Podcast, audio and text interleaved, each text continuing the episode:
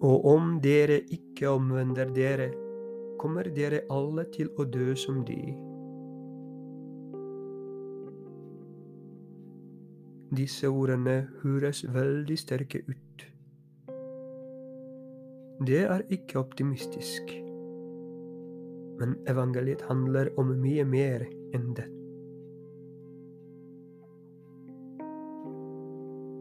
Vi kan si at dagens evangelium er delt i to deler. I den første delen kommer noen mennesker til Jesus og forteller om de galileerne som Pilatus hadde drept under ofringen, slik at deres eget blod blandet seg med dyrenes. De tror det var en straff for syndere. Mange jødiske mennesker trodde at døden er en straff for syndere. Og Jesus begynner å forklare.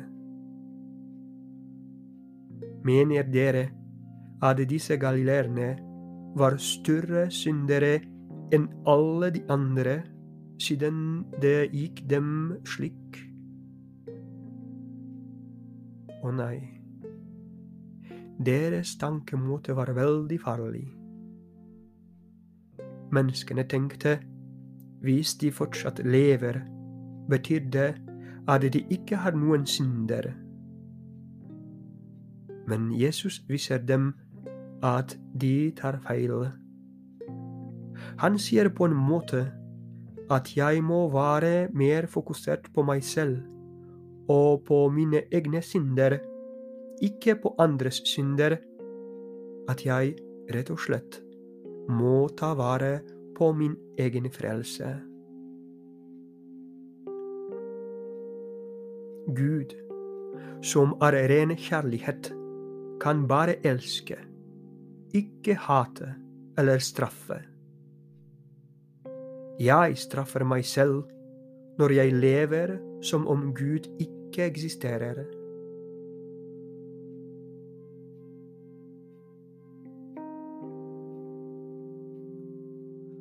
For så høyt har Gud elsket verden, at han ga sin sønn, den enbårne, for at være den som tror på ham, ikke skal gå fortapt, men ha evig liv. Leser vi hos Johannes.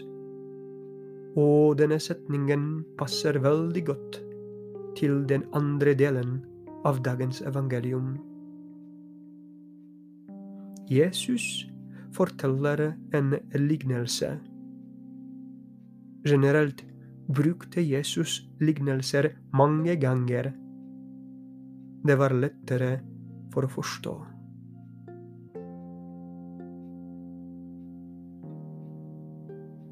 Dagens lignelse forteller om en mann som har fikentre i sin vindhage, og om en gartner som jobber der. Vingårdseieren er veldig misfornøyd med fikentrett på grunn av at det ikke bringer frukter. Han vil kaste det bort, men gartneren ber ham om siste sjanse. Han sa at han skulle ta vare på dette treet. Vi kan si at gartneren er en kjempeoptimistisk person. Etter tre år har han fortsatt håp.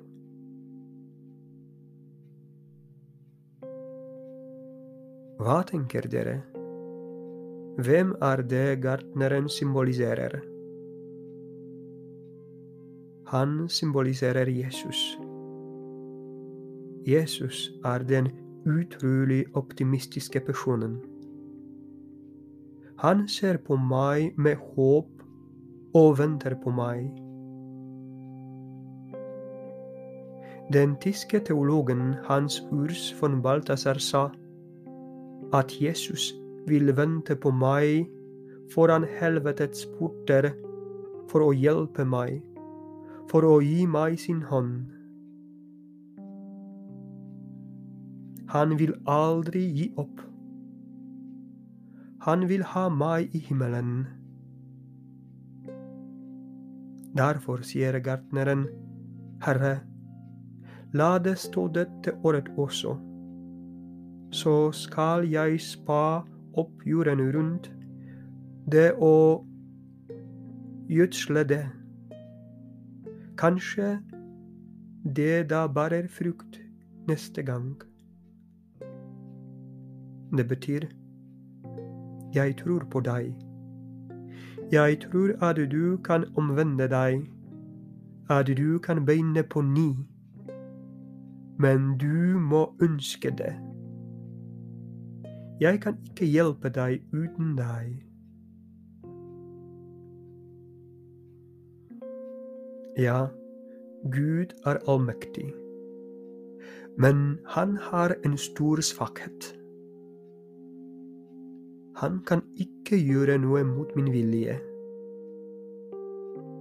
Han vil hjelpe meg, som jeg sa, men hvis mennesker lever hele sitt liv uten Gud, hvis de bevisst avviser ham og sier til ham nei, vil de mest sannsynligvis avvise ham i det viktigste øyeblikket, som er døden deres.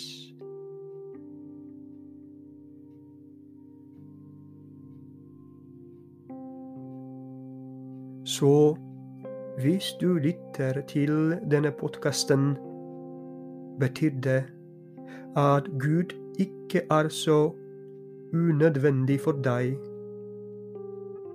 det betyr at du og jeg er på god vei, hvor Jesus venter på oss slik som gartneren ventet på fikkentrets frukt.